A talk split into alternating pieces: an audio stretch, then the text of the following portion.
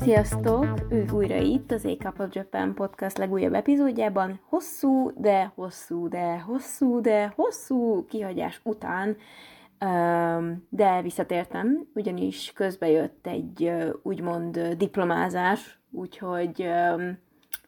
egy kisé elfoglalt és agyilag leszedált voltam, szóval nem volt energiám podcast epizódok gyártásához, Viszont most újult erővel és friss diplomásként térek vissza, ez csak így magamnak is megnyugtatásul és tudatosításként mondtam el, hogy lediplomáztam, és még ezt még mindig fel kell dolgoznom, de mindegy. Ja igen, és egyébként Petra vagyok, és ebben a podcastben, ahogy ezt a neve is nagyon sejtelmesen elárulja, minden Japánról szól, folklórról, művészetről, undergroundról, filmekről, animéről, nőtörténetről, tehát mindenki megtalálja remélhetőleg a kedvére való témát, és akkor nem is húznám az időt, és belevágnék. Ugyebár legutóbb a férfi típusokról meséltem nektek, azon belül is az úgynevezett húsevő férfiakról, illetve az úgynevezett növényevő férfiakról, illetve a húsevő nőkről.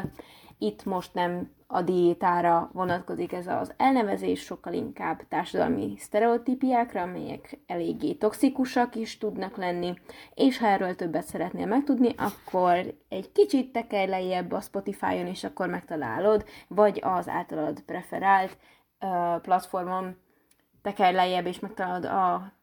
az egyel korábbi epizódban, vagy lehet, hogy másikban, mert a másik probléma, ami miatt nem tudtam feltölteni részeket, az az volt, hogy ellenem szegült minden létező technikai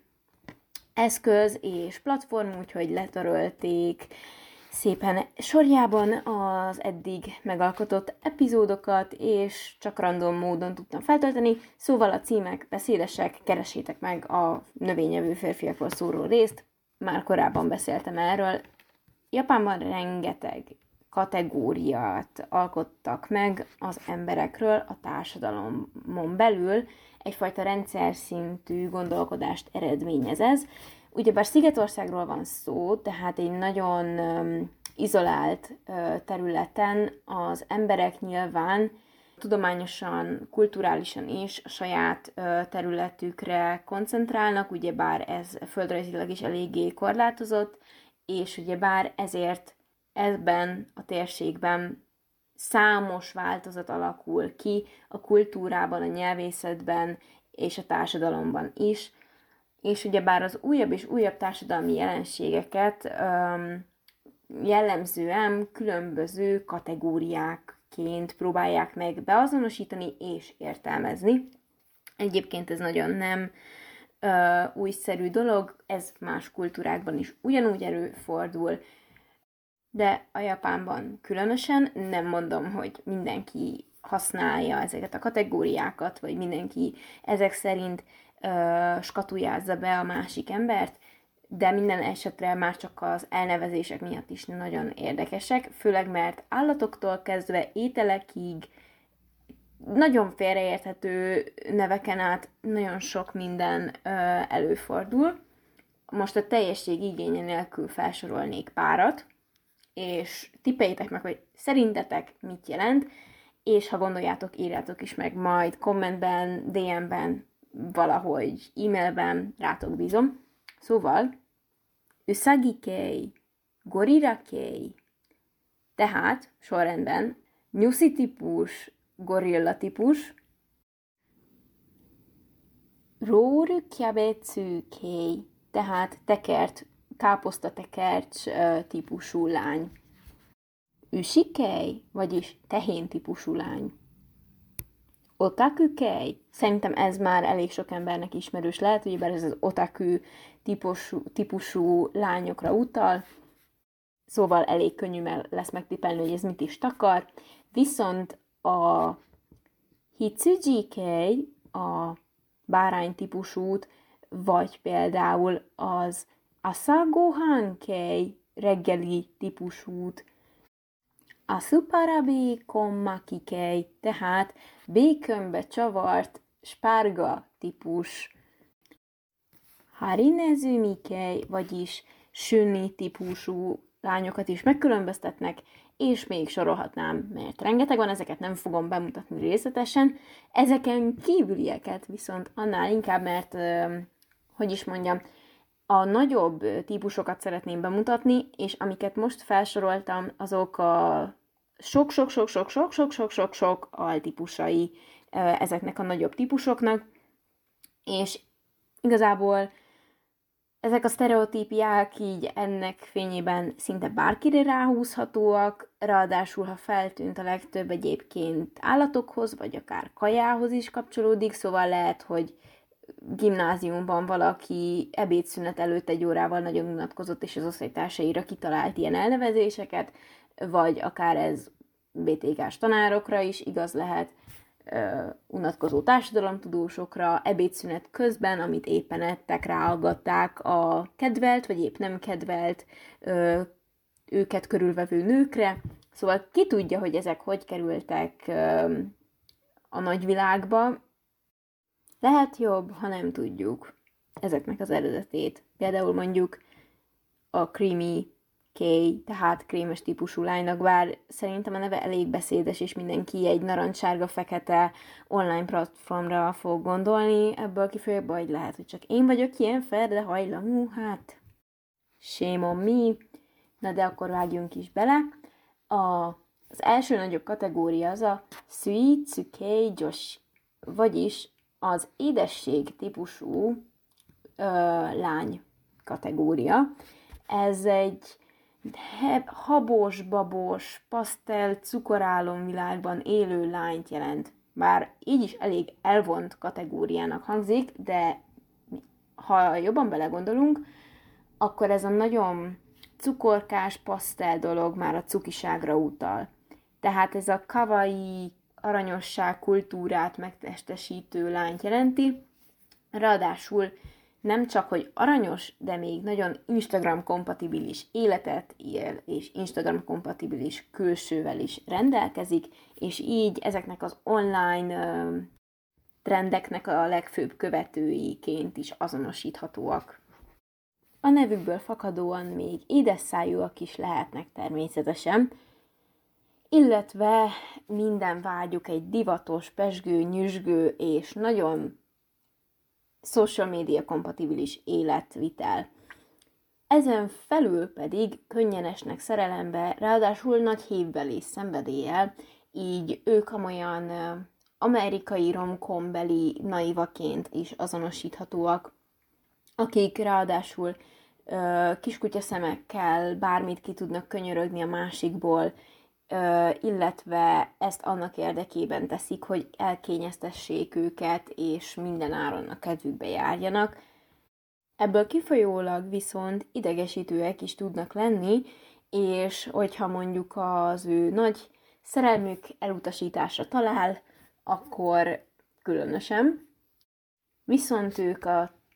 az igazi hollywoodi álmot szeretnék megvalósítani romantikus téren is, tehát egy igazi filmbéli romantikus kapcsolatra vágynak, vagy amit mondjuk az animékben és a mangákban láthatnak.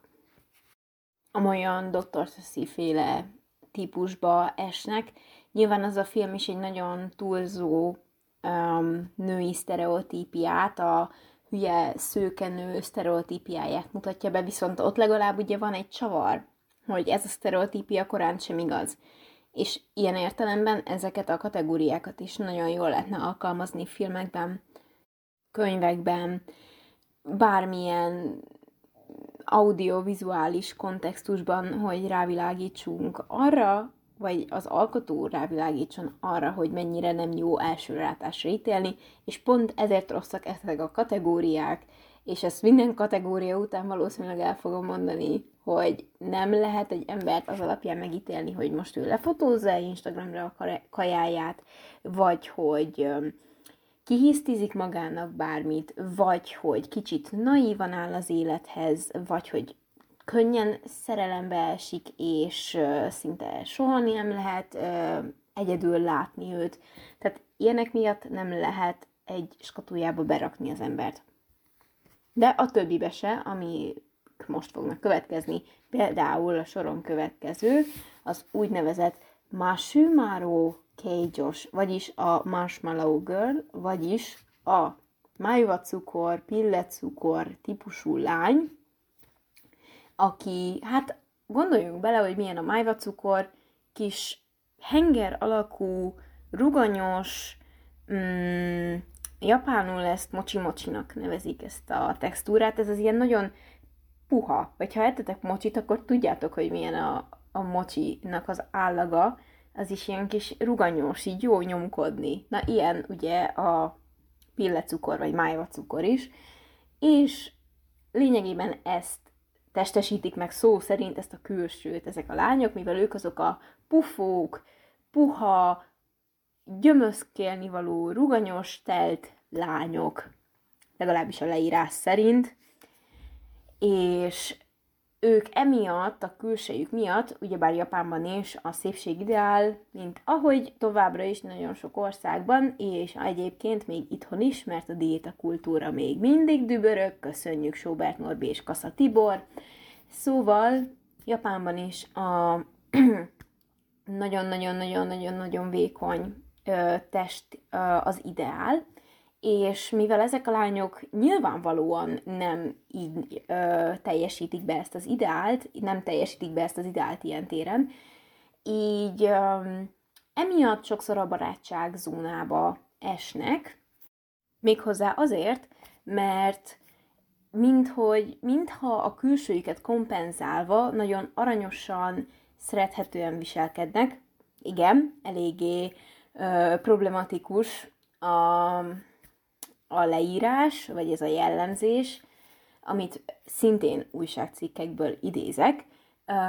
például ez szinte szó szerint megpróbálom idézni, mert ugye ezt fordítottam japánról, és uh, japán nyelv, japánul gondolkodik, eléggé nehéz át uh, helyezni magyar kontextusba, de úgy tudnám megfogalmazni, hogy hajlamosak vagyunk azt gondolni, hogy a szépség azt jelenti, hogy valaki vékony. De, hogyha valójában népszerű akarsz lenni, akkor azt is tudnod kell, hogy mit szeretnek a férfiak. Bár a súlyuk a marshmallow lányoknak széles skálán mozog, észrevehető, hogy az adott személyek, akik ebbe a kategóriába esnek, mindegyikükben van valami közös. Három dolog közös bennük, a kedves mosoly, a másokkal, másokhoz való törődő hozzáállás, befogadó természet, és ez egyfajta gyógyító tényezőként funkcionál, ezt pedig a férfiak fontosnak tartják ezeknél a lányoknál. Idézet vége. Szóval ez egy elég problematikus kategória, ebből kifolyólag is, mert ugye bár nem testesítik meg az adott test ideált, amit elvár a társadalom, ebből kifolyólag akkor már nem is lehet velük kapcsolatot létesíteni, hanem hogy baráti zónából lehet magukat felküzdeni a kapcsolati szintre azért, mert ők mondjuk ö, nem XS-es ruhát hordanak, hanem L-eset vagy XL-eset, és ez a férfiaknak való megfelelés, most nagyon ki fog jönni belőlem a fuck the patriarchy hozzáállás, de tényleg miért kell miért kell kompenzálni azt, ahogy kinézünk, ráadásul annak érdekében, hogy a férfiak ö, számára elfogadhatóak legyünk, vagy pontosabban ezeknek a lányoknak, és ez, ez borzasztó hozzáállás, hogy, hogy jaj, vannak férfiak, akik viszont szeretik ezt a ruganyos, rezgős, pihepuha, felhőcske-szerű testet, és ráadásul ezt, hogyha egy férfi nem kedveli, akkor kompenzálhatja a lány azzal, hogy kedves a mosolya, és igazi ö, anyáskodó természete van, tehát ezt hagyjuk már könyörgöm. Szóval ezeket a kategóriákat, mikor kutattam, nagyon sokszor nagyon ideges lettem, és így emiatt sem vágok be több ö, sok idézetet, mert hát mondjuk ez a magazinok minőségét is tükrözi, hogy meg vannak írva, Szóval eléggé bicskanyitogatóak, és maradjunk ennyiben. Ezen felül pedig gyakran a türelmes, türelmesség minta példájának tartják ezeket a lányokat, akik szintén ezzel tudják a személyiségükön, szelítségükön kívül elcsábítani a férfiakat. És szerencsére egy másik cikk azt viszont megjegyezte, hogy a nőknek nem kell feltétlenül, bár ez is nem kell feltétlenül lefogyniuk ahhoz, hogy a férfiak preferenciáit megüssék. Ezt most így emészgessük, és mennék is tovább a következő kategóriára. Az úgynevezett Dofuramingo Josh kategóriára térnék rá.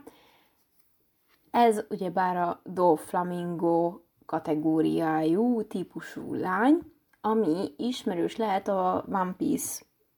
rajongóinak, ugyebár ez a manga és az anime egyik karakteréről kapta a nevét, ez a kategória, akit Do Flamingónak hívnak.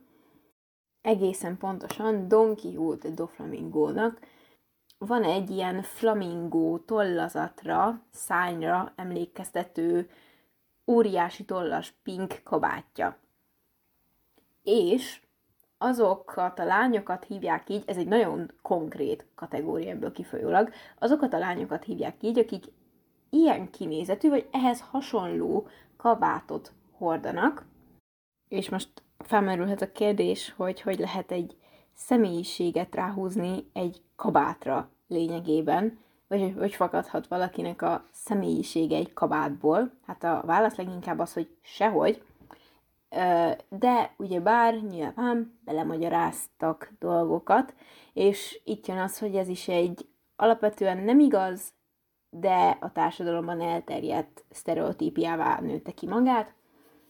Ez a trend maga, ez a Doflamingo kabát, amúgy korából érkezett, ugye bár a social médián még így a 2010-es évek elején, 2000-es évek elején valahogy így került Japánba, mert Koreában, Dél-Koreában mindenki ilyet hordott, és ugye bár ez mára már kiment a divatból, azért ezt muszáj hozzátenni,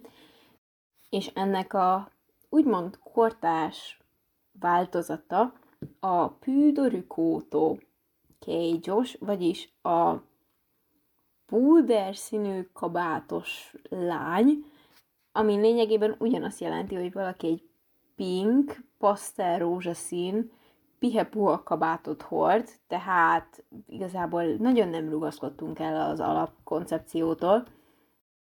és ehhez a kabáthoz még egy speciális smink is társul, amiben a rózsaszín dominál, ezzel is úgymond a kavaiság faktort növelik,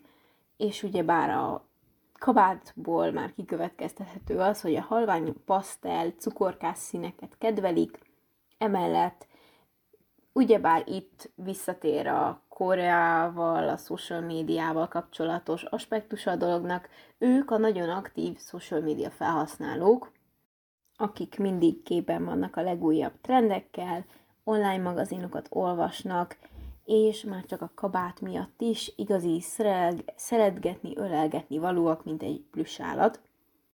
Nyilvánvalóan nem minden aktív social media használó divat diktátor holt ilyen kabátot, de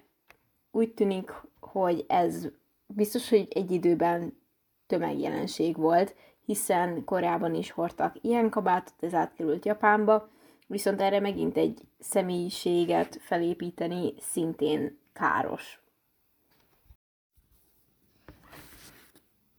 És akkor át is térnék a kedvenc kategóriámra, a creamy cage vagyis a krémes típusú, fú, most esküvőnyen elkezdek öklendezni, hogy ezt kimondtam, a krémes típusú lányra, ami amerikaiak kommentjeit tekintve, azok alapján megítélve, Amerikában eléggé más jelent, szerintem már itt emlegettem a narancssárga, fekete oldalt, nos, ez szerintem magyarázatra nagyon nem szorul.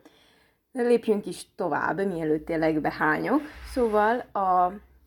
törődő pótanya típusú ez a tipikus anime nővér ö, arhetipus az, akit jelöl ez a kategória. És 2014-ben egy felmérés szerint ők voltak a legnépszerűbb nőtípus a férfiak körében. Wow! Mivel megnyugtató a jelenlétük, és meglágyítja bennük a felgyülemlet stresszt, és megszüntetik azt. Ráadásul nem szőrszálhasogató típusok, nem kritikus ö, szelleműek, nem kritikus tekintetűek, így nem fognak belekötni az apró részletekbe, vagy apróbb hibákba, amit persze a férfiak nagyon szeretnek, mert ki ne szeretné, hogyha egyébként ki van nyalva a segge, és neki semmit nem kell csinálnia, és semmiért nem vonják felelősségre, hát hogy lenne népszerű ez bárki körében. És igen, ez az a típusú lány, aki igyekszik a másik kedvében járni, és egyfajta pótonyaként fellépni, ezért pedig látsággal és az ő édes személyiségével olvasztja meg az embereknek a szívét. Szóval egy kicsit átfedésben van ez a kedvesség, látság, édesség, még a Suitsu Kei Joshival, meg a már Shumaro um, Kei Joshival is. Szóval azért eléggé, mivel nem lehet ilyen kategóriákban leírni semmilyen ö, társadalmi csoportot, azért persze, hogy nagyon sok átfedés van ezek között, Na de terjünk vissza, hogy mi is ennek az anime nővér típusú lánynak, um, tipikus anime karakter típusú nőnek a jellemzője. Ezen kívül, hogy mindent elnéz, és nem hirtelen haragú, nyugodt és hidegvérű. Külsejüket tekintve egy úgynevezett funvari fashion követnek. Ez a úgymond légies Mm, puha divatnak, légies puha divatnak fordítható. Alapvetően ez a kicsit anyukás, de stílusos külső, egy kicsit az 50-es, 60-as évek Amerikájára hasonlít a, a Grease minta lányainak, mielőtt Sandy berosszul, rosszul, Jézusom, miért használok ilyen szavakat, mielőtt Szendinek megtörténik a kicsit sem, kicsit sem sztereotíp átalakítás, és szintén egy férfi kénye kedve szerint, illetve az ő tetszése érdeké, a neki való tetszés érdekében, na mindegy, éppen most megint nem mennék inkább bele, hogy miért problematikus ez a film, ettől függetlenül amúgy megjegyzem, hogy imádom, na mindegy, ennyit a vízről, szóval az ottani uh, apuci kicsi lánya, mint a diák uh, Szendinek a ruháját kell elképzelni az ezeknél a típusú lányoknál. Tehát hosszú ö, szoknyát hordanak, ö, például mondjuk hosszú priszillazott szoknyát, kardigánt, inget, vagy valamilyen mellényt, és hát nagyon kis diáklányos külső, tehát olyan, mintha egy ö, konzervatívabb iskolai egyenruhát hordanának, de mégis stílusosak. És igen, ez egy divat irányzat, és úgy tűnik, hogy ők, legalábbis az újságcikkek szerint, ezeket a ruhákat hordják, ezt a divat irányzatot követik. Nyilván azért, mert valaki törődik valakivel, azért nem fog ilyen ruhákat hordani, és hogyha valaki ilyen ruhákat hord, az nem jelenti azt, hogy ő egy törődő, kedves, anyáskodó típusú ember, tehát megint csak egy toxikus sztereotípiának vagyunk szemtanúi, vagyis hát inkább fültanúi, és természetükből kifolyólag egyfajta terápiás jellegű a jelenlétük, emiatt viszont könnyen kihasználják őket a férfiak, pont azért, mert sok mindent elnéznek, ráadásul egyfajta pótanyaként funkcionálva, nem úgy tekintenek rájuk feltétlenül, mint mondjuk Mm, mint mondjuk jövendőbeli ö, szerelmi partnerre, hanem sokkal inkább egyfajta, egyfajta anya típusra, egy anya ö, pótlékra mm, tekintenek rájuk. Ráadásul ugye bármivel mindig mindent elnéznek, és nyugodtak és hidegvérűek maradnak, ezért nyilvánvalóan könnyű ezzel visszaélni, és egyébként ez a karakter, tehát nem véletlenül anime nővértípusnak is nevezik ezt a Creamy K. Josh-t, most mondtam ki utoljára, mert rosszul vagyok ettől a kifejezéstől. Szóval az animékben ezt a karaktertípust egyébként gyakran meg is csalják ebből kifolyólag, mert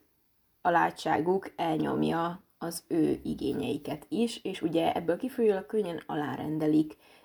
magukat a másiknak. Hát igen, miért ne lenne népszerű típusú az ilyen személy? Hát hogy ne? Mindenki szereti elnyomni a másikat, és mindenki szereti, hogyha elnyomják. Persze, hogy ne.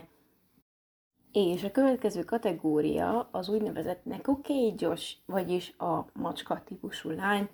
Ugyebár a neve elég beszédes, ez azokra a 10-20 évesekre utal, azokra a fiatal felnőtt nőkre, vagy tínédzser éveik végén járó nőkre utal, akik szeszélyesek, mint a macskák, kiszámíthatatlanok és önfejűek, és a férfiak úgy jellemzik külsőben őket, hogy lógó szemeik vannak, ami elsőre elég furán hangzik, de ez igazából valahogy úgy írható le, hogy a kicsit táskásabb a szemük, és emiatt egy kicsit macskás tekintetük van. Ezt nehéz elmagyarázni, de majd fogok erről is kitenni képet, hogy ez mit is takar. De alapvetően, ami még esetleg segíthet a beazonosításban, hogy a szem sarka az általában magasabban van, a szem belső része egy kicsit magasabban van, tehát a szemek vonala egy háztetőt ír le lényegében. Ezen kívül pedig kistermetőek, és a férfiak elmondása szerint jól mutatnak erős minkben, és sokuknak nagyon erőteljes nőies a megjelenése, és nagyon jól áll a kis kerekarcukhoz a rövid haj. Most nyilván nem lesz minden rövid, hajú, kerekarcú, erősen smink, erős sminkkel rendelkező nő olyan típus, akit most fogok ismertetni, tehát a maga tempójában csinálva, csinálja a dolgokat, és a maga feje után megy, a maga útján halad. Elkényeztetett olykor egyfajta csitriként és fruskaként jellemzik a férfiak ezeket a típusú nőket, és szeretik azzal magukra felhívni a figyelmet, hogy hisztiznek, néha önzők és nehezen alkalmazkodnak, vagy egyáltalán nem hangulatemberek és kiszámíthatatlanok, viszont ragadósak, és hogyha igénylik a fizikai kontaktot, akkor ezt ki fogják harcolni maguknak, és fel fogják hívni magukra a figyelmet. Ismét a külső nem függ össze a személyiséggel, tehát lehet, hogy valaki rövidhajú, és macska tekintetű, ez nem azt jelenti, hogy egy nagyon rossz macska természete van, még ha valakinek mondjuk teszem azt, kutyaképe van, mert van egyébként uh, inő kégyos, tehát kutya típusú lány is, de azt most nem fogok, annak a részleteiben most nem mennék bele. De az már csak azért sem, mert elég logikusan ennek a teljesen fordítottja, tehát ez a nagyon hűséges, a fiúk után, a másik után loholó, igazi mm, kutyatermészetű lányra utal. Szóval ez szerintem elég logikus. A következő két úgynevezett női mm, típus erősen összefügg a, a Neko Josh-sal. Alapvetően úgy írják le ezt a három kategóriát, amelyek egyfajta lépcsőként követik egymást, tehát először valaki Neko Josh, aztán ahogy felnő a 30-as, 40-es éveiben már Puma K. Josh lesz, majd az 50-es éveitől kezdve ezekkel a személyiségjegyekkel rendelkező nőket a Cougar K. Joshnak nevezik. Ugyebár ez a Cougar elnevezés ismerős lehet az Így jártam anyátokkalból, amiben így újra gondolva szintén eléggé elbaszott az, hogy bárni a kúgöröket hajszolja, de az megint egy másik podcastet igényel szerintem, hogy abba belemenjek.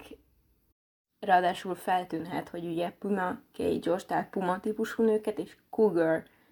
típusú nőket is említettem, és egyébként a kettő elnevezésben ugyanaz, hiszen a Pumát jelenti a Cougar, viszont Japánban ez két külön típusnak veszik, és alapvetően az előbbi, tehát a Puma típusú nő, az a 30-as, 40-es éveiben járó karrierista nő, aki a karrierjének él, valamint az ő szintjének megfelelő párt keresnek, és még a karrierfázis, karrierépítési fázisban ennek szentelnek mindent, és a céljuk, hogy egy stabil egzisztenciát, ráadásul a felső osztályba tartozó, felső osztályhoz illő egzisztenciát megteremtsenek maguknak, és így nagyon sokszor a státuszszimbólumok nyomában járnak, és igen válogatósak a férfiak tekintetében, és így nagyon nehezen elérhetőek. Ezzel szemben a Kuga Kejgyos pedig ugyebár már jó életvitelt tudott magának megteremteni, tehát ez az upgrade verziója lényegében a Puma Kejgyosnak, aki elérte céljait, és most már 40-es évei végére, 50-es évei elejére egy stabil egzisztenciát alakított ki magának, és ugyebár mindezek mellett még nagyon vonzók is, ugyanakkor ijesztőek, mert hát vezető pozícióba kerültek valamilyen szinten, vagy feltörtek a társadalmi rangrétrán. Ezt természetesen a férfiak nem kedvelik, hogyha egy nőnek van akarata, véleménye és stabil, független egzisztenciája, és úgy jellemezték őket, mint nőjetlenek, főnökösködők, ribancok vagy kurvák, Továbbá a magazinban olyan vélemények jelentek meg, mint hogy a gyermekes nők kevésbé elkötelezettek lesznek a munkájuk iránt, így például ez a típusú nő nem is vállal emiatt gyereket, emiatt persze kritizálják is. Másik nagyon kedves nyilatkozat pedig az alábbi, a nők természetesen nevelők, a férfiak természetesen vezetők, mm, inkább nem,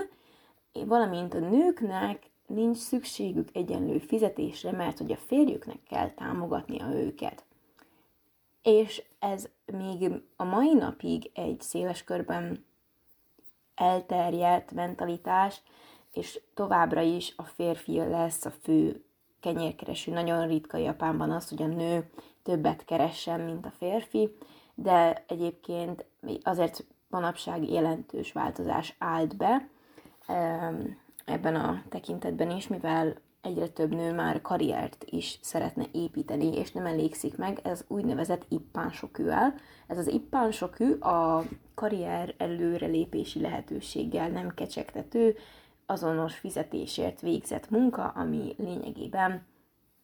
csak azért van, hogy pénzt keressen, de nincsen lehetőség a ranglétrán való előrelépéshez sem társadalmilag, sem pedig a cégen belül. És nagyon sokszor a nők, hát így a 2000-es évek elejéig, ha terhesbe, teherbe estek, akkor megszülték a gyereket, elmentek gyesre, és utána maximum valamilyen részmunkaidőt vállaltak, vagy egyáltalán nem mentek vissza dolgozni, és így teljesen a férje hárult az, hogy eltartsa a családot. Ez már nagyon régóta bele mm, ágyazódott a japán társadalomba, tehát egészen az 1890-es évek óta, és szerencsére egyébként már erőteljesen változnak ezek a tendenciák, és ezek a nagyon régi szokások, de továbbra is vannak olyan emberek, nem véletlenül keletkezett ez az újságcikk 2015-2017 környékén, azért tömkelege akad azoknak a férfiaknak, akik szerint leszbikusok azok a nők, akik elutasítják a férfiak közlek, közeledését, ráadásul feltörnek, és ők túlszárnyalják a férfiakat, mind egzisztenciában, mind ö, társadalmi státusz tekintetében.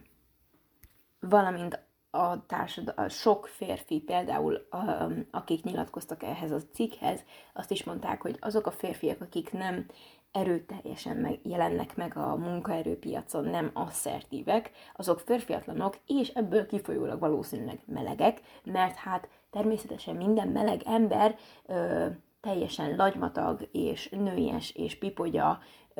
mármint nem, mint hogyha nőiesség pipogyasággal járna együtt, mert nem, illetve ez egy szintén borzasztóan a hollywoodi filmipar által, meg így unblock a filmipar által táplált sztereotípia, hogy minden férfi nőies, és nincsen személyisége azon kívül, hogy meleg, ez nem igaz továbbra sem, de sajnos ezek a sztereotípiák élnek, és ilyen szerteágazóan Japánban megjelennek. Szerencsére azért kevesen vannak tisztában azzal, hogy ezek pontosan mit jelentenek,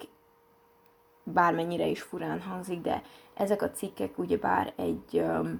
fajta ismeretterjesztő célral is szolgálnak, hogy a lakosság be tudja azonosítani ezeket a kategóriákat a környezetében, és így, így jobban el tudjon, um, el tudjon tájékozódni a társadalom rendszerében. És szerencsére egy olyan generáció nő fel már Japánban is, akik a Z-generáció lévén egy teljesen más mentalitást képviselnek, és sokkal befogadóbbak, sokkal megértőbbek, de mivel a japán társadalom öre, egy öregedő, előregedő társadalom, ezért ugyebár egyre csökken az újszülöttek száma, és egyre nő az idősek száma ebből kifolyólag, és így továbbra is a többségben a lakosságban ugyebár az idősek, tehát ezek a 80 pluszosok, illetve a középkorúak vannak, és nyilván így az ő mérvadójuk, amely gyakran, az ő véleményük lesz mérvadóbb, ami ugyebár gyakran egy korábbi kort tükröz. És hát ennyi lett volna már. Nagyon köszönöm a figyelmet, és remélem, hogy egy érdekes uh, témát hoztam, ami azért elgondolkodhatja az embereket, és ennek az epizódnak is, akár csak az ezt megelőző, a növényevő férfiről szóló epizód is, amit ha nem hallgattál meg, akkor azonnal menjél. Szóval, hogyha, hogyha ezeket az adásokat meghallgatod, akkor remélem, hogy, hogy sikerült valamilyen tanulságot levonni. Például azt, hogy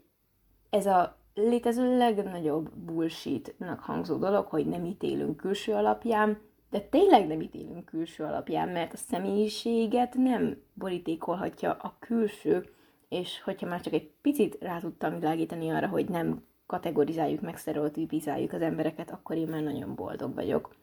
Úgyhogy köszönöm, hogy velem tartottál ezen a csodás hétfői napon, amikor meghallgatod, és remélem, hogy sikerült épkézláb mondatokban két értelmes szót szólnom, mert kb. 40 fok van a szobámban, Ráadásul, mert mazoista vagyok, tűzforró kávét iszok, mert hát miért ne? És remélhetőleg már nem egy vörös halálcsillaggal fogja jelölni a számítógépe senkinek, ahogy az enyém teszi, az, hogy hőségriadó van, és uh, jön a klímaváltozás, ez az. Szóval két hét múlva találkozunk, amikor remélhetőleg már nem 35 fok van, csak mondjuk 34, úgyhogy sziasztok, legyetek jók, vigyázzatok magatokra!